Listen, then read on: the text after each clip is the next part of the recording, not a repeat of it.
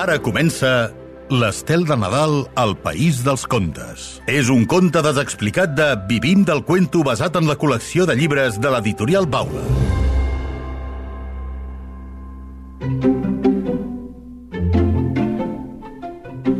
La nit de Nadal és una nit ben especial per tothom, però encara ho és més al País dels Contes. Allà tot és possible i la il·lusió no hi falta mai. En Patufet fa cagar el tió amb un bastonet i espera que els regals surtin disparats, com aquell pet que un cop el va fer volar amb ell. Els porquets fan passar el fred amb una sopa de galets.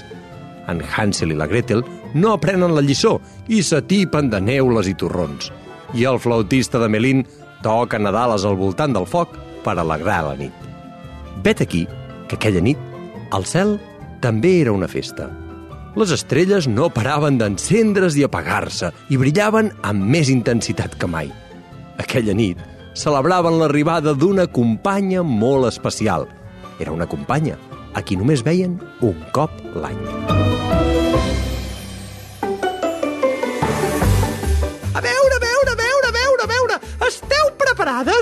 Ja, ja sabeu que quan arribi li hem de fer una bona rebuda. Sí, sí, sí, sí, sí. Per aquí, tot a punt. Eh, eh, heu fet el cartell de benvinguda? Ostres, d'això s'encarregava l'estrella polar. Uh, sí, sí, per aquí, tot a punt. I va arribar el moment, aquell moment que cada any se celebrava amb tanta il·lusió. Va arribar l'estel de Nadal.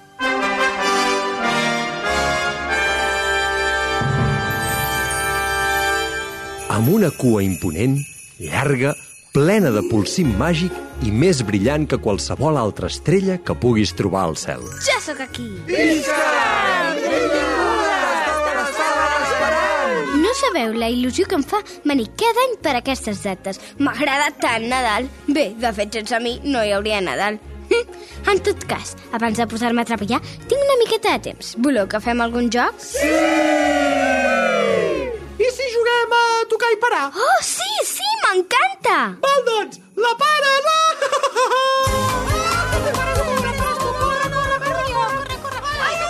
Totes les estrelles es van posar a jugar a tocar i parar. Anaven d'aquí cap allà empaitant-se a tota velocitat. Cal dir que el cel era un bon guirigall. Però ja se sap que quan es fa massa rebombori... La pares? Ai, que em sembla que m'he passat. Juga que jugaràs. Una estrellota molt sapastre va donar una empenta tan forta a l'estel de Nadal que la va fer caure rodolant del cel fins a la terra. De sobte, l'estel es trobava tota sola enmig d'un bosc. Va mirar cap al cel i en adonar-se del que havia passat es va posar a plorar. No sabia com podria fer-ho per tornar a pujar allà dalt. L'estel somicava tan desconsoladament que fins i tot la va sentir la caputxeta forçuda, la nena més forta del País dels Contes, que just en aquell moment anava corrent pel bosc per dur uns quants pollastres farcits a la seva àvia. Però què són aquests udols? Qui plora d'aquesta manera? Seguint el so del plor, la caputxeta va anar a parar fins on havia caigut l'estel. Però qui ets tu? Què hi fas aquí? Què t'ha passat? Jo, jo, jo sóc l'estel de Nadal. L'estel de Nadal? Però tu no hauries de ser a dalt del cel. Sí, però he caigut i ara no sé pas com arribar-hi. Tu em podries ajudar? La caputxeta forçuda va entendre que aquell era un problema molt greu i amb la seva velocitat habitual va reunir a tots els personatges del País dels Contes. Així, entre tots, podrien intentar ajudar l'estel de Nadal. Això és terrible.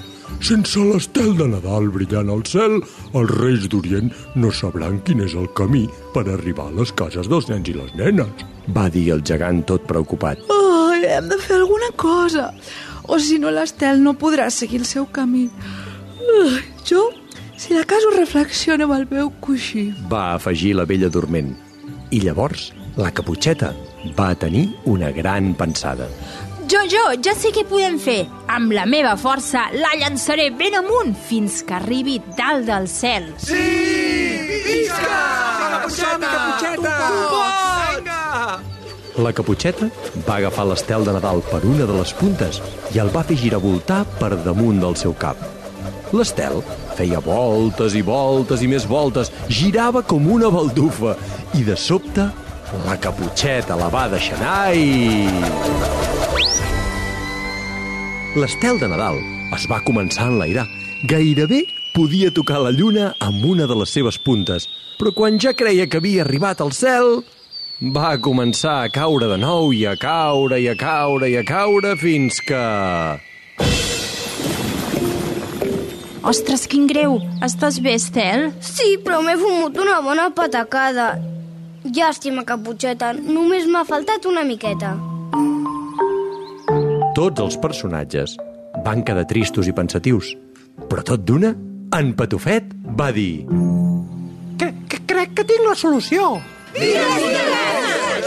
i, si, i, i, si, I si donem l'estel al bou perquè se'l mengi?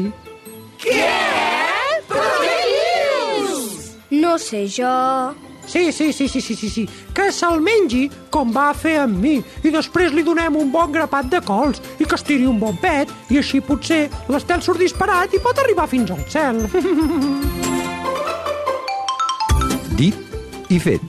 El bou mig mort de gana se'l va empassar tot sencer. Després va començar a tipar-se de cols i la panxa se li va inflar i inflar i inflar fins que va fer un pet com una gla. I l'estel va sortir volant a tota velocitat. Semblava que arribaria fins a les estrelles, però llavors...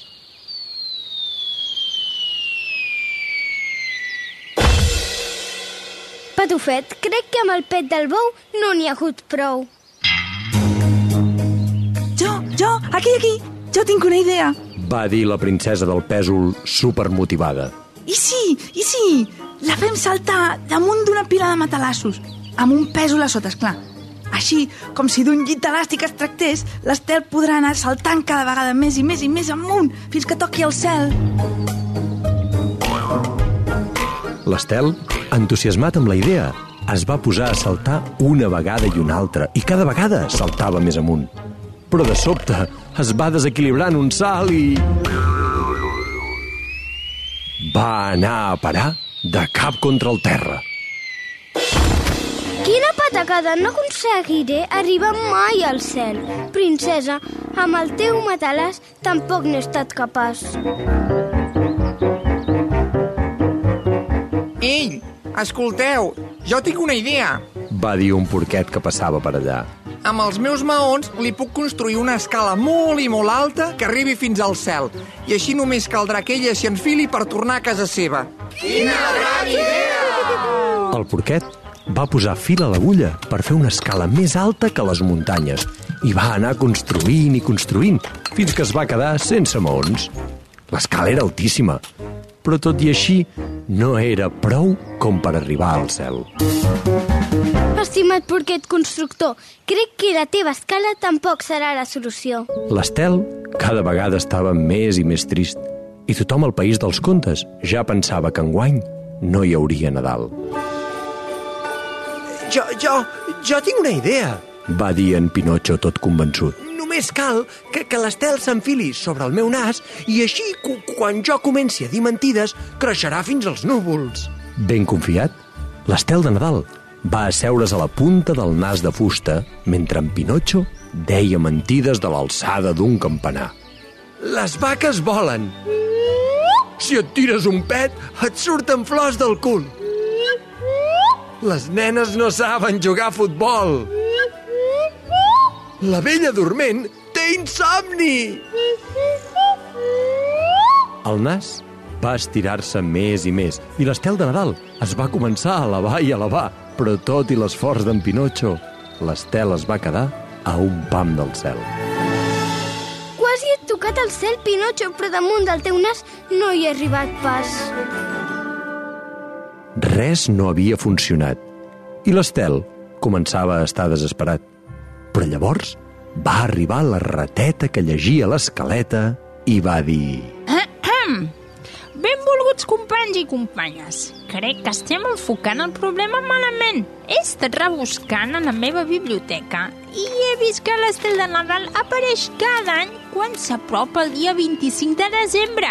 I apareix per un sol motiu. Ho fa gràcies a la il·lusió de tots els nens i nenes. Sense aquesta il·lusió, l'estel no pot pas volar. Tots els personatges es van mirar i van demanar a la rateta què calia fer. L'únic que ens cal és pensar en coses que ens facin il·lusió de veritat. Jo voldria fer les paus amb el llop. Va dir la caputxeta. A nosaltres ens agradaria celebrar el Nadal tots junts a casa la mare. Van dir els tres porquets ben il·lusionats. A mi em faria il·lusió eh, ser contacontes, com els bebem del cuento. Va afegir la rateta a ple pulmó. I de sobte, l'estel, com per art de màgia, es va començar a enlairar. No pareu, no pareu! Seguiu dient coses que us facin il·lusió. Jo voldria que el Garfi deixés de perseguir-me. I a mi m'agradaria viure tranquil dalt de la meva mongetera. I a mi em faria il·lusió que els porquets no em cremessin el cul cada vegada que algú explica el nostre conte. Gràcies a la il·lusió de tots els personatges del País dels Contes, l'estel de Nadal cada vegada estava més amunt i pujava i pujava i pujava sense parar fins on els desitjos el van portar. Adeu, amics! Moltes gràcies i molt bon Nadal! I així va ser, com la seva llum va tornar a guiar a ses majestats els reis de l'Orient.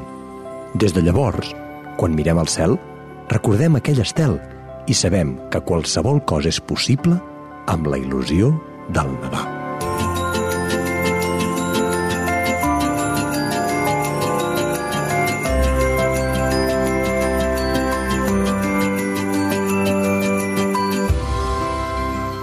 Els llibres a la vostra llibreria més propera i podeu seguir els Vivim del Cuento a les seves xarxes socials.